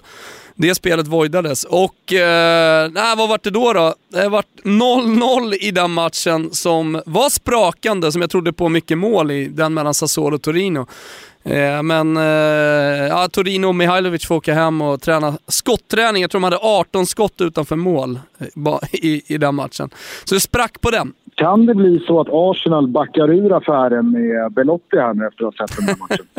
Du, han hade faktiskt en bissa som strök i ena stolpen. Så att, eh, han, gjorde, han gjorde, man kan säga en godkänd insats i alla fall. Hur som helst, vill man eh, haka på, det ska man såklart göra och vara med och rigga de här tripplarna, ha chansen att hänga med mig och Gusten.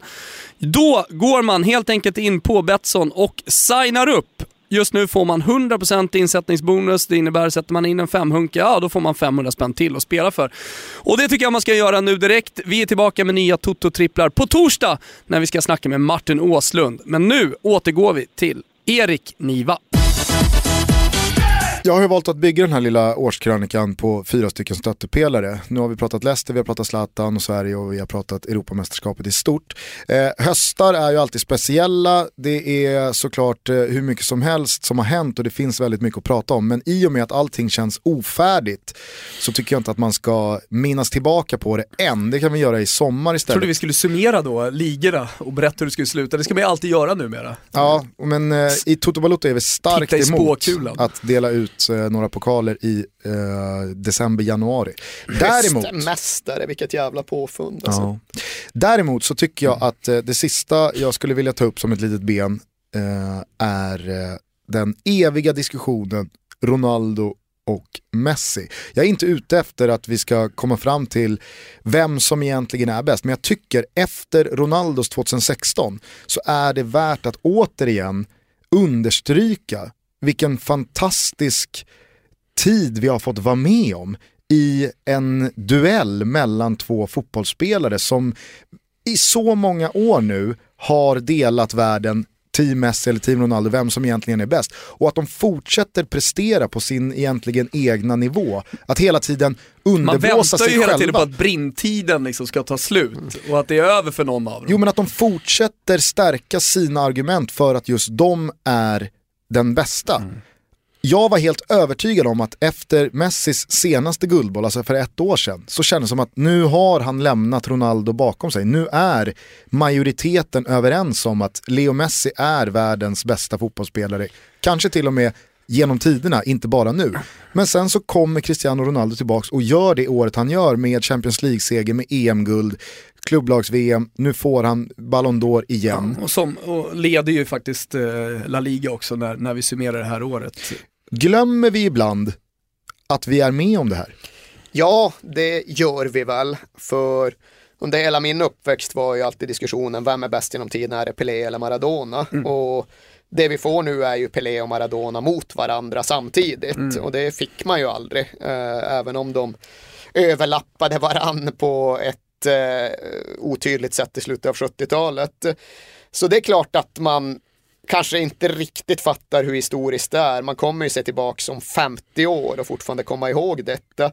Sen är det ju också någonting signifikativt i det jag pratade tidigare om hur Zlatan Ibrahimovic var väldigt symbolisk vad gällde Sveriges generella glidning från kollektivistisk till individualistisk nation. Det finns ju även någonting i detta och individualiseringen av fotbollssporten, fixeringen vid Ballon d'Or-priserna och så vidare och så vidare. Att det är ett en typ av tecken i tiden att eh, man pratar på det här sättet så väldigt ofta och så väldigt mycket.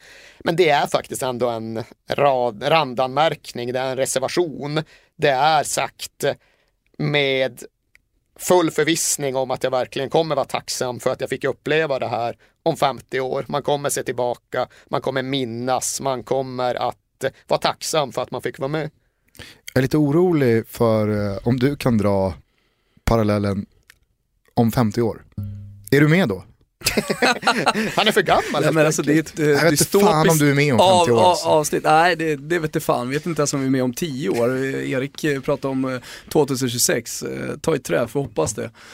Ehm, Ronaldo och Messi, ja, men, de har ju hållit igång så länge nu att det känns som att vi tar det här för givet.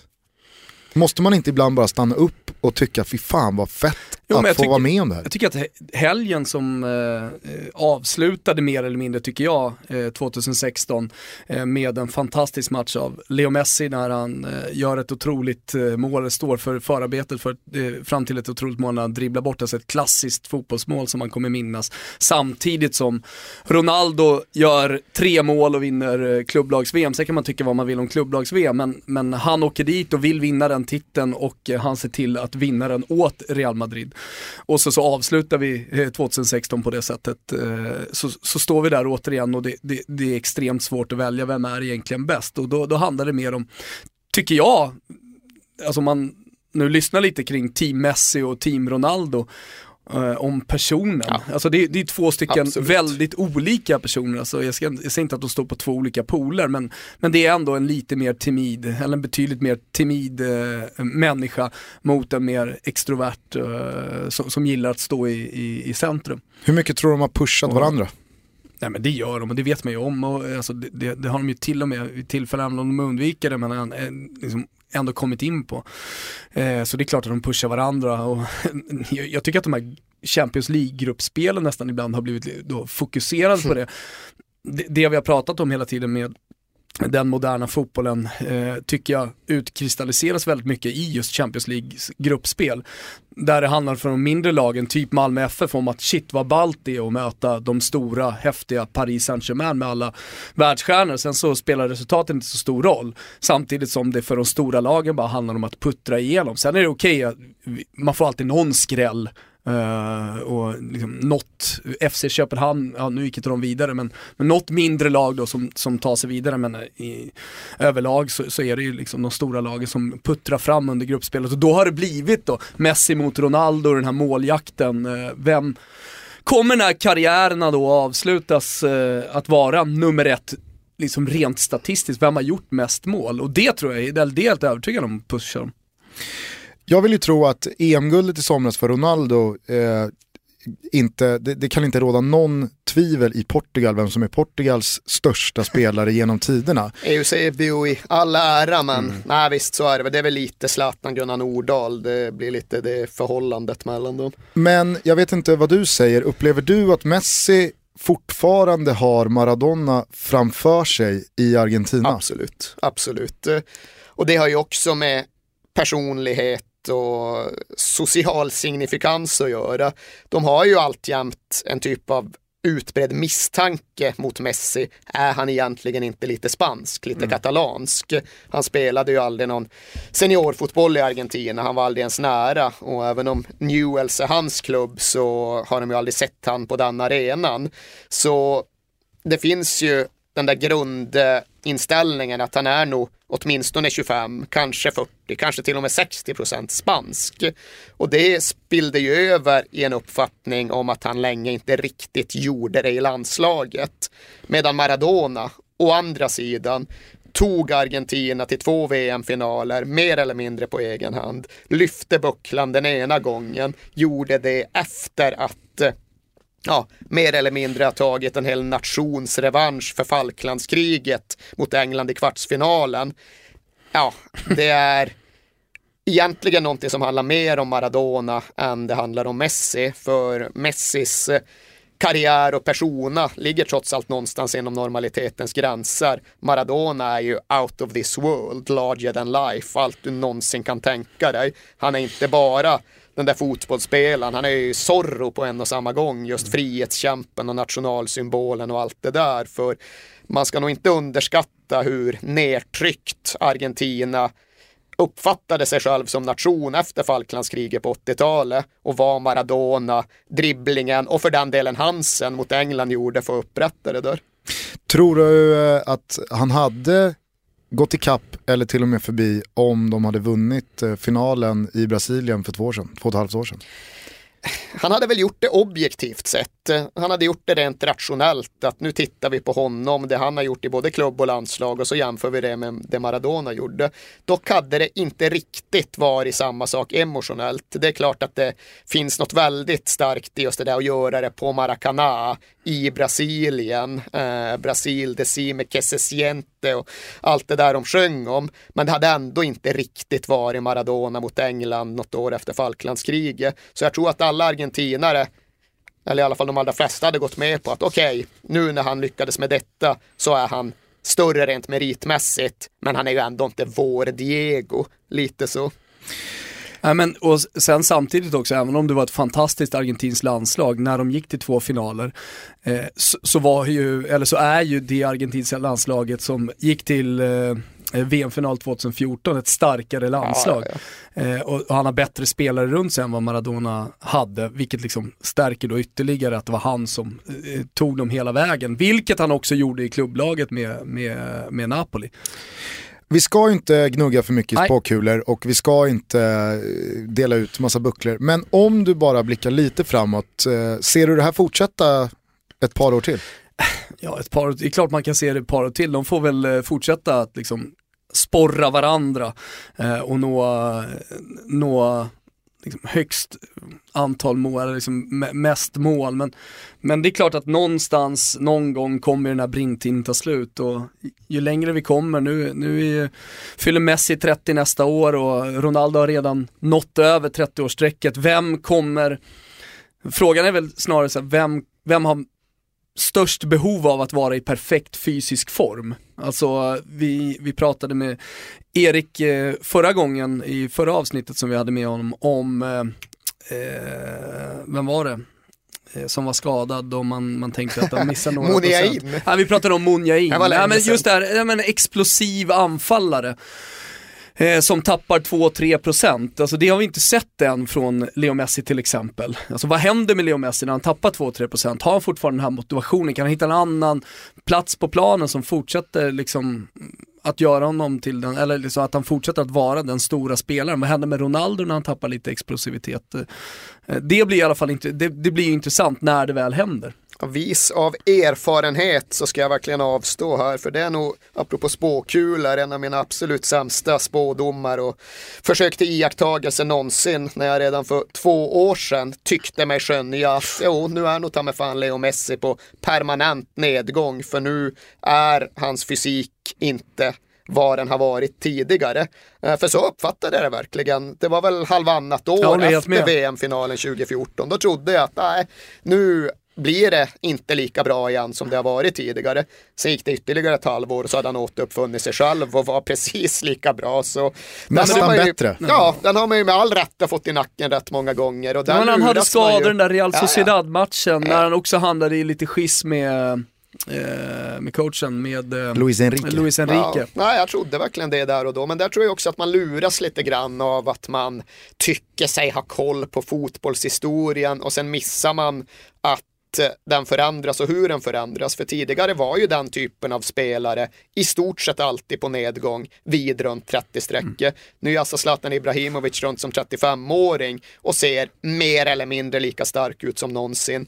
I och med att de sköter om sig själva så mycket bättre så får de ju längre karriärer, de får längre brintid, det är ju tveklöst så. Och det var man kanske lite sen med att uppfatta. Om du bara får avsluta det här segmentet och den här årskrönikan med att titta ännu längre i spåkulan. Dina barnbarn, vi, vi, alltså vem av de här två tror du att eh, din, dina barnbarns generation kommer eh, ha bäst koll på? Messi. Jag tror att hans eh, YouTube-reel, vilket i och för sig inte kommer vara relevant på den tiden, men liksom det kommer vara lättare att visa klipp på Messi och få folk att tappa andan. Det är lättare att se hans dribblingsräder och undra hur fan gjorde det där vidundret detta än det att visa bilder på när Ronaldo kommer seglande genom luften och dunkar dit en nick. Jag tror att just det faktum att Messi är lite mer spektakulär gör att hans eh, stjärna kommer att eh, blinka lite klarare eh, långt fram i tiden.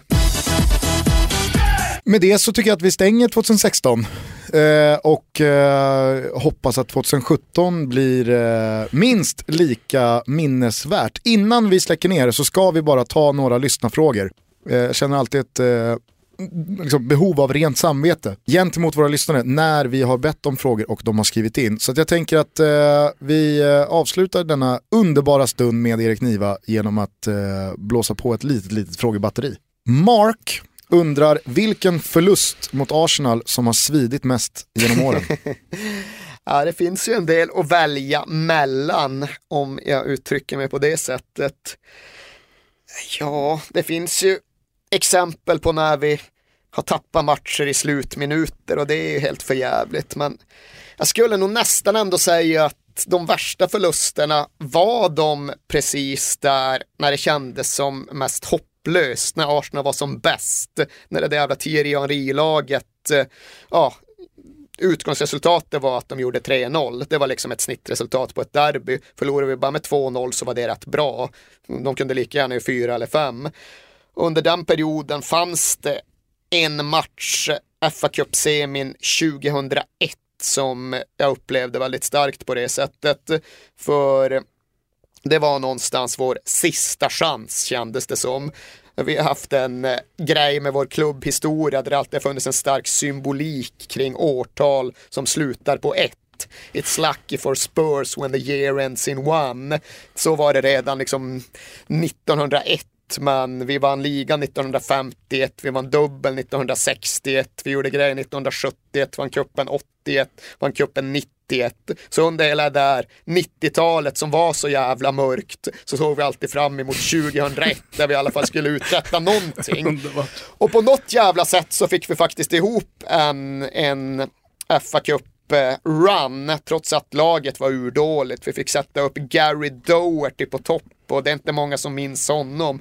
Det var en helt orörlig mittback som inte kunde göra tre på foten men som plötsligt spelade center och bar oss i FA-cupen. Vi vann mot West Ham borta, vi vann mot Charlton borta, Gary Doherty gjorde massa mål. Gary Doherty gör också ledningsmålet för Tottenham i cupsemin mot Arsenal på Old Trafford och man fick den där förrädiska förhoppning om att kanske ändå, the year ends in one, vem fan är Thierry Henry? eh, och sen visade sig att Thierry Henry var Thierry Henry och Gary Doherty var Gary Doherty. Och Arsenal gjorde två mål, jassade hem den där cupsemin utan problem. Och Doherty dumpades väl i Norwich? Jajamän, stämmer bra. Eh, Det gläder mig att eh, du har koll på detta. Det var också en av Sol Campbells allra sista matcher för Tottenham. Jag vet inte om det till och med var den sista. Han hade varit borta ur spel under lång tid våren 2001 när hela den här kontraktshärvan höll på att nystas i. Så kom han tillbaka till den här cupsemin och fick ett sånt jävla hjältemottagande uppe på Old Trafford. Nu, sagan om konungens återkomst, nu jävlar. Och han var inte redo för spel. Jag vet inte om han brydde sig, jag vet inte om han ville vinna. Vi förlorade matchen, Sol Campbell försvann. En månad senare skrev han på för Arsenal. Allt var åt helvete med världen. Och på så sätt var det kanske den allra tyngsta förlusten mot Arsenal av alla.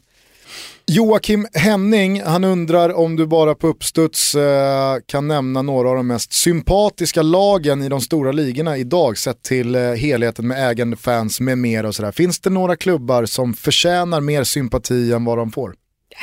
Alltså jag är ju svag för det jag är svag för. Jag är ju svag för klubbar som har en idé, en identitet. Och det är klart att det blir lättare för mig att fastna vid dem som jag på något sätt eh, kan sympatisera med ideologiskt. Det är ju de som står på motsatt sida gentemot Thomas och hans fascistklubbar liksom.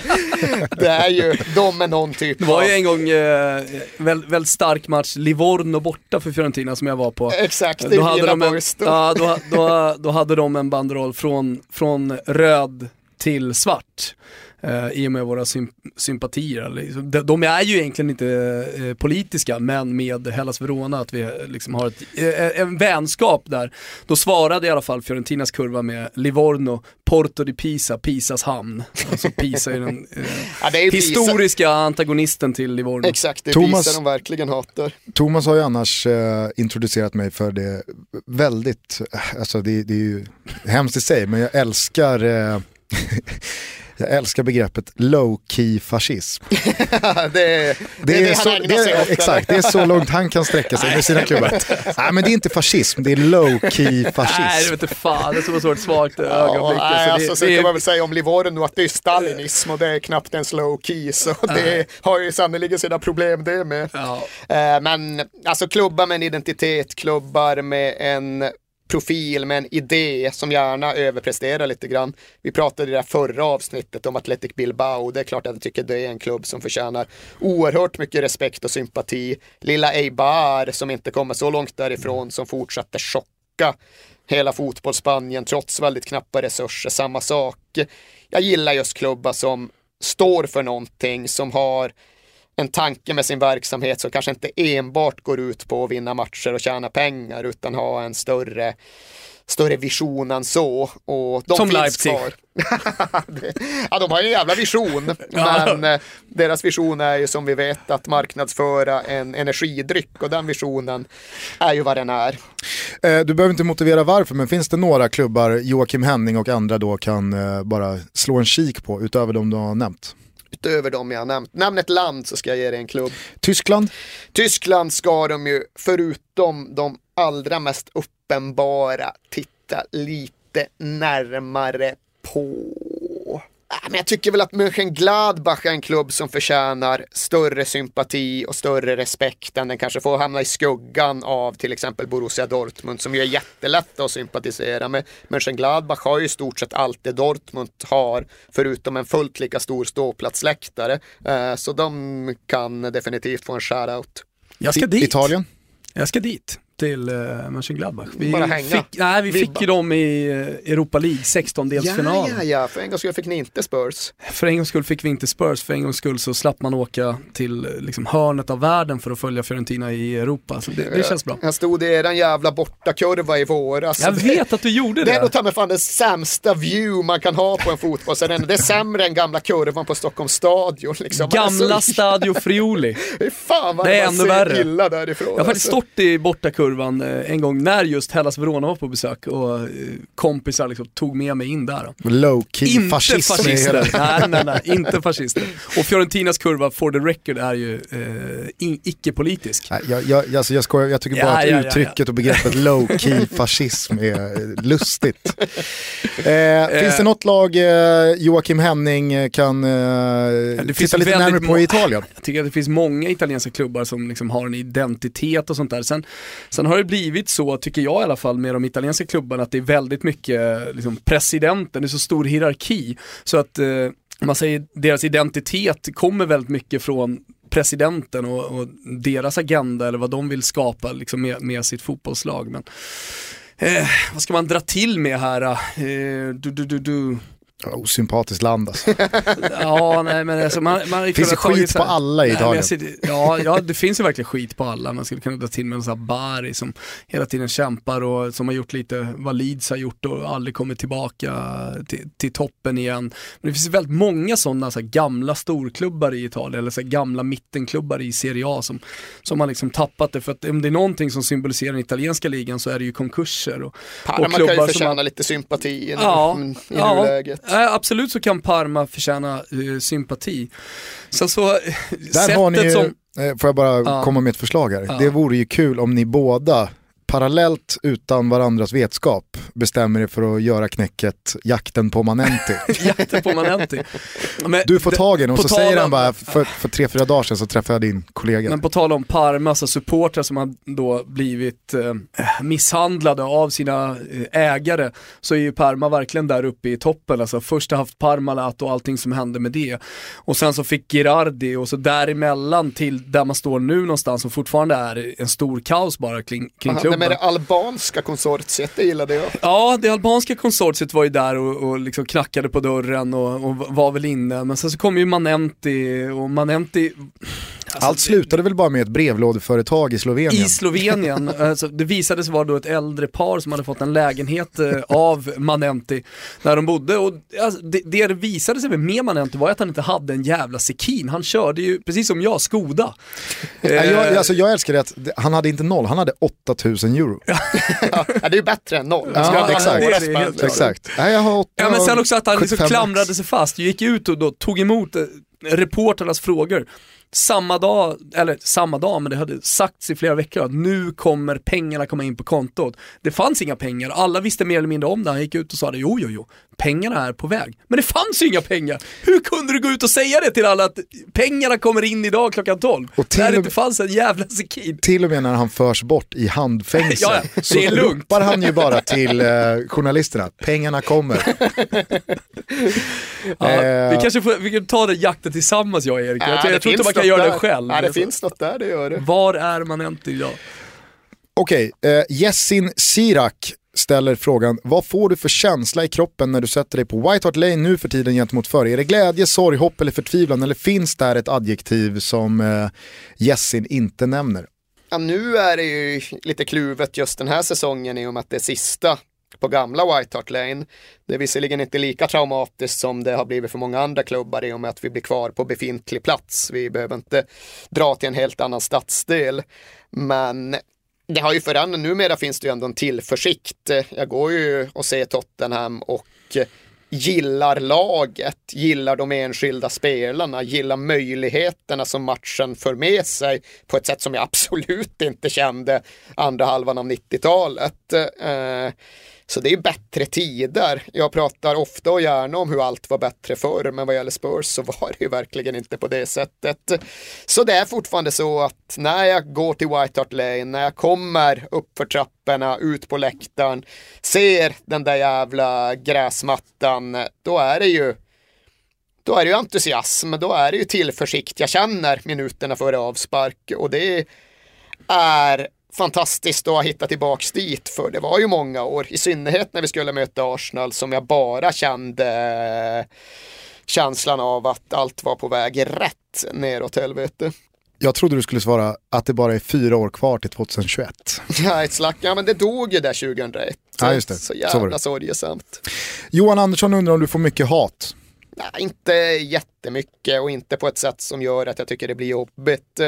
Jag tror att alla som är verksam i den här branschen, i synnerhet eh, på en kvällstidning, måste ju ganska snabbt vänja sig vid att det kommer en typ av respons som går ut på att man är totalt dum i huvudet, fullständigt jävla värdelös, borde lägga av eller till och med avrättas. Men det gick för mig ganska snabbt och ganska lätt att kunna spola bort det och det gör att det är ingenting som återstår som är sådär speciellt jobbigt. Det funkar.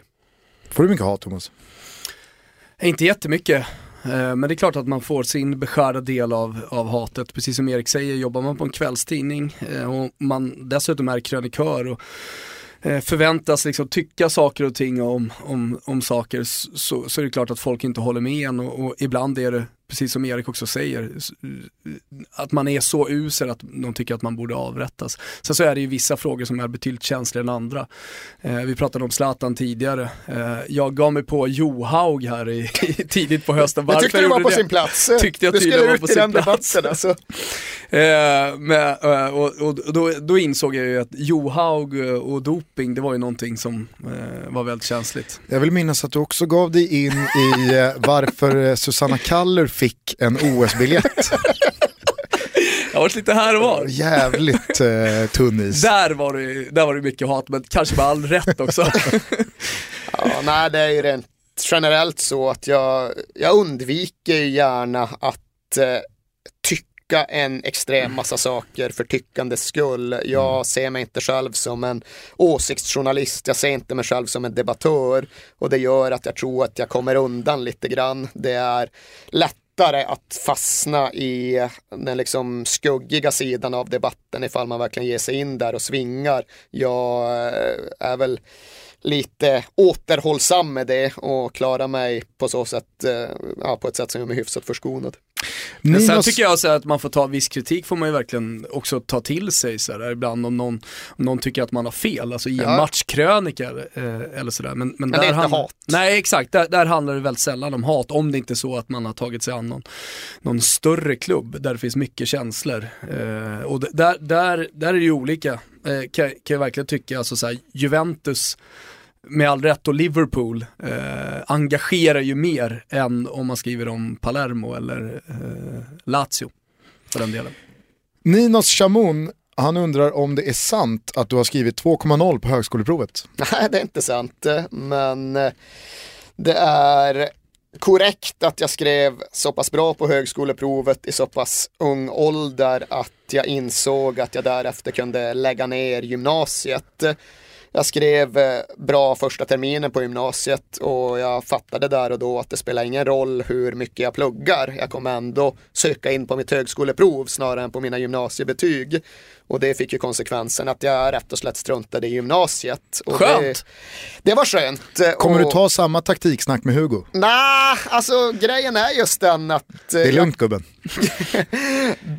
jag ångrar inte det. Jag ångrar lite hur jag, hur jag liksom förmedlade detta. Jag ångrar att jag skulle vara så jävla demonstrativ, att jag verkligen skulle sitta på lektionerna och göra en poäng gentemot lärarna, att jag behöver inte dig och din jävla undervisning, för jag har sett igenom systemet och luckorna i det. Det var väl inte så jävla klädsamt Jag gillar det. kanske. Men det var samtidigt ändå så att jag ansträngde mig kreativt. Det här var under en tid då jag dels eh, frilansade på lokaltidningen hemma. Jag satt hemma och gjorde mitt eget musikfanzine. Jag la ju tiden som andra behövde lägga på att plugga till provet på att göra grejer som jag tyckte var mer utvecklande kreativt. Men jag ångrar att jag uppträdde som ett jävla tonårsas i hög utsträckning och jag ångrar att jag inte hade vett att lära mig språk. Jag ångrar inte att jag inte tillgodogjorde mig matte D. Det, det struntar jag totalt i. Vill du avslöja resultatet? Grejen är att jag kommer faktiskt fortfarande inte ihåg om jag skrev 1,9 eller 1,8 men jag skrev inte 2,0. Nils Jonsson, han undrar om du inte får välja utifrån Aftonbladet och Viasats eh, Arsenal, vilken svensk sportjournalist du beundrar mest?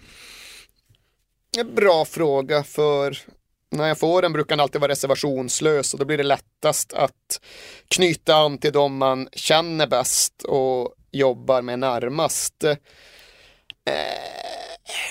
ja. Vilka jobbar du med närmast eh, idag? Eh, Idag, alltså tidigare har det varit Simon Bank eh, och det är ju den Han är pappaledig, Han är pappaledig och det är dessutom så att vi inte har den här bloggen som vi hade tidigare som eh, gjorde att vi jobbade regelbundet ihop. Han är ju annars den jag håller allra högst, ganska tveklöst, för jag tycker han kan skriva på ett sätt som ingen annan i landet kan göra. Eh, Men om jag inte får välja mellan något av våra team Fan vad svårt det blev då. Nej men jag, jag sitter och funderar och En tänker. subtil känga till Expressen. Nej, verkligen inte. Eh, nej, men jag kan säga Johan Orenius, eh, den före detta Expressen-medarbetaren, för att det var det namn som dök upp i huvudet först. eh, Och det är en anledning så god som någon. Väldigt duktig skribent, eh, väldigt skicklig redaktör har jag anledning att tro. Och därtill en människa som rätt igenom tycks vara väldigt sympatisk. Ett svar så gott som något tycker jag. Jag gillar också Orenius. Han gjorde ju en poäng på, grund, eh, på tal om det vi snackade om med så här, sympatiska klubbar. Det här med Freiburg, att han genomlyste Europa Alltså efter grejen ett, är ett den laget att eh, eh, vi hade kontakt i anslutning till att han skulle göra det jobbet och då väckte det ett minne i mig. Det var så att jag för några år sedan gjorde en sån här podcastintervju som de flesta känner till som heter Värvet med Kristoffer Triumf. Och då fick jag en fråga att ja, om man eh, eh, om man är en eh, kille som jag som inte är så fotbollsintresserad men som bryr sig om samhället och kanske gillar Miljöpartiet. Vad ska jag följa för klubb? Och så, ja men fan följ Freiburg i Tyskland. De är sympatiska och de tänker rätt och de har någon jävla idé om att de ska försörja arenan med solcellsenergi så det blir väl perfekt. Och Streich cyklar till Ja, exakt. matcherna och sådär. Och efter att jag hade gjort den intervjun så fick jag ett mejl av Johan Orenius. Han bara, ah, men fan vilken trevlig intervju, jag lyssnade med stor behållning. Och sen två år senare dök det där upp med att han skulle hitta sig en klubb ute i Europa och fastnade för Freiburg. Så jag lanserade ju tanken på att jag minns att jag i alla fall sådde ett frö i honom där och då. Eh, jag vet inte om det är så eller inte, men vad fan, man vill ju tro och låtsas.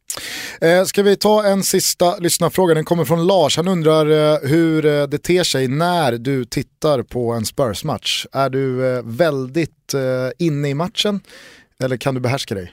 Jag är väldigt inne i matchen eh, och det är klart att lite beror det ju på vilket sammanhang jag är i. Är jag på arenan så för man sig på ett sätt. Är jag i Viasat-studion för jag mig delvis på ett annat sätt men skillnaden däremellan är nog mindre än många kanske tror. Jag tror väl kanske att den största skillnaden numera är ifall jag ser den hemma. Eh, för då måste jag uppföra mig gentemot framförallt eh, min son. Han eh, gillar också Tottenham, han vill också att Spurs ska vinna, men han tycker att det är jobbigt när jag har för stora känslosvängningar kring Tottenhams matcher. Och så jävla usel som människa är jag ju inte att jag inte tar in det. Så jag får ju faktiskt lov att lägga lite band på mig när Spurs spelar och vi tittar på matchen hemma. Det är nog den eh, stora, det är då jag tänker på hur jag beter mig i anslutning till Tottenham-matcher. Jag, jag har ju liksom varit med Thomas när han har tittat på Fiorentina ett par gånger. Det är ju stor underhållning beroende på hur det går. Eh, jag minns framförallt när eh, Roma tog sig an Fiorentina och vi ledde med 4-0 i paus. Och vi såg den matchen ute och Thomas sjönk bara djupare och djupare ihop i stolen och till slut så var han bara, eh, i paus var han färdig. Ja, men det förtjänar lite grann det om du utsätter dig för en sån situation. Jag ser ju i stort sett aldrig Spurs på lokal. Det tycker jag är jättejobbigt. Just det, en massa löst folk i omlopp och det är ingen riktigt fokus på matchen och ja, det går inte att vara i den så som man måste vara. Och därtill skulle det aldrig falla mig in att utsätta mig för att se i mitt fall ett derby tillsammans med en Arsenal-anhängare. Man vet att risken för att jag hamnar i precis det läget är överhängande. Så där, den risken hade jag aldrig tagit. Vi åkte till och med ner till Rom för att se, var det åttondelsfinalen av Europa League då? Ja. Mellan Roma och Fiorentina. Dock så skildes vi åt innan matchen. Ja, vi, satt på varsin, enough, eller vi liksom. skulle sitta på varsin del av arenan. Jag stod i södra kurvan och eh, Thomas hade ju alla sina gamla Florens-kompisar nere och jag tänkte att de har ju en superkväll här nu för att efter 18 minuter så stod det 3-0 till Fiorentina. Och då stod jag ändå där i kurva Sud med en polare och unnade Thomas lite det här. Sen så eh, visade det sig att när vi möttes upp vid midnatt så såg jag på Thomas att du har inte varit på Olympico. Då har han stått och kollat rugby med några walesare, supit hela kvällen Men jag istället. tror också- Missat helt vad det blev i matchen. Ja men ibland, ibland blir det så här. Alltså man, man kommer in, man kommer, vi hade ju laddat upp det för det här väldigt länge och Roma är ju en av de största rivalerna så jag håller dem, har i alla fall i stunder hållit dem till en större, som en större rival så här i modern tid än eh, mot Juventus för att de har varit så överlägsna. Eh, och eh, ja, men så här, vi hade byggt upp det så länge. Jag, jag, jag tror att det handlar om att jag klarade helt enkelt inte av de, de, de känslorna. Eh, så jag bärsade bort mig istället med några walesare. Rusk, ruskig efterhandskonstruktion att han inte ska ha klarat av känslorna. Nej, Nej, men jag, nej, jag vet inte fan alltså. Jag har faktiskt tror nog att aldrig det är så. supit bort en match, det har jag inte. Nej. Missar du någon eh, Tottenham-match? Nej, det ska ju väldigt mycket till. Nu för tiden är det ju så att man ibland tvingas fullstreama och så vidare.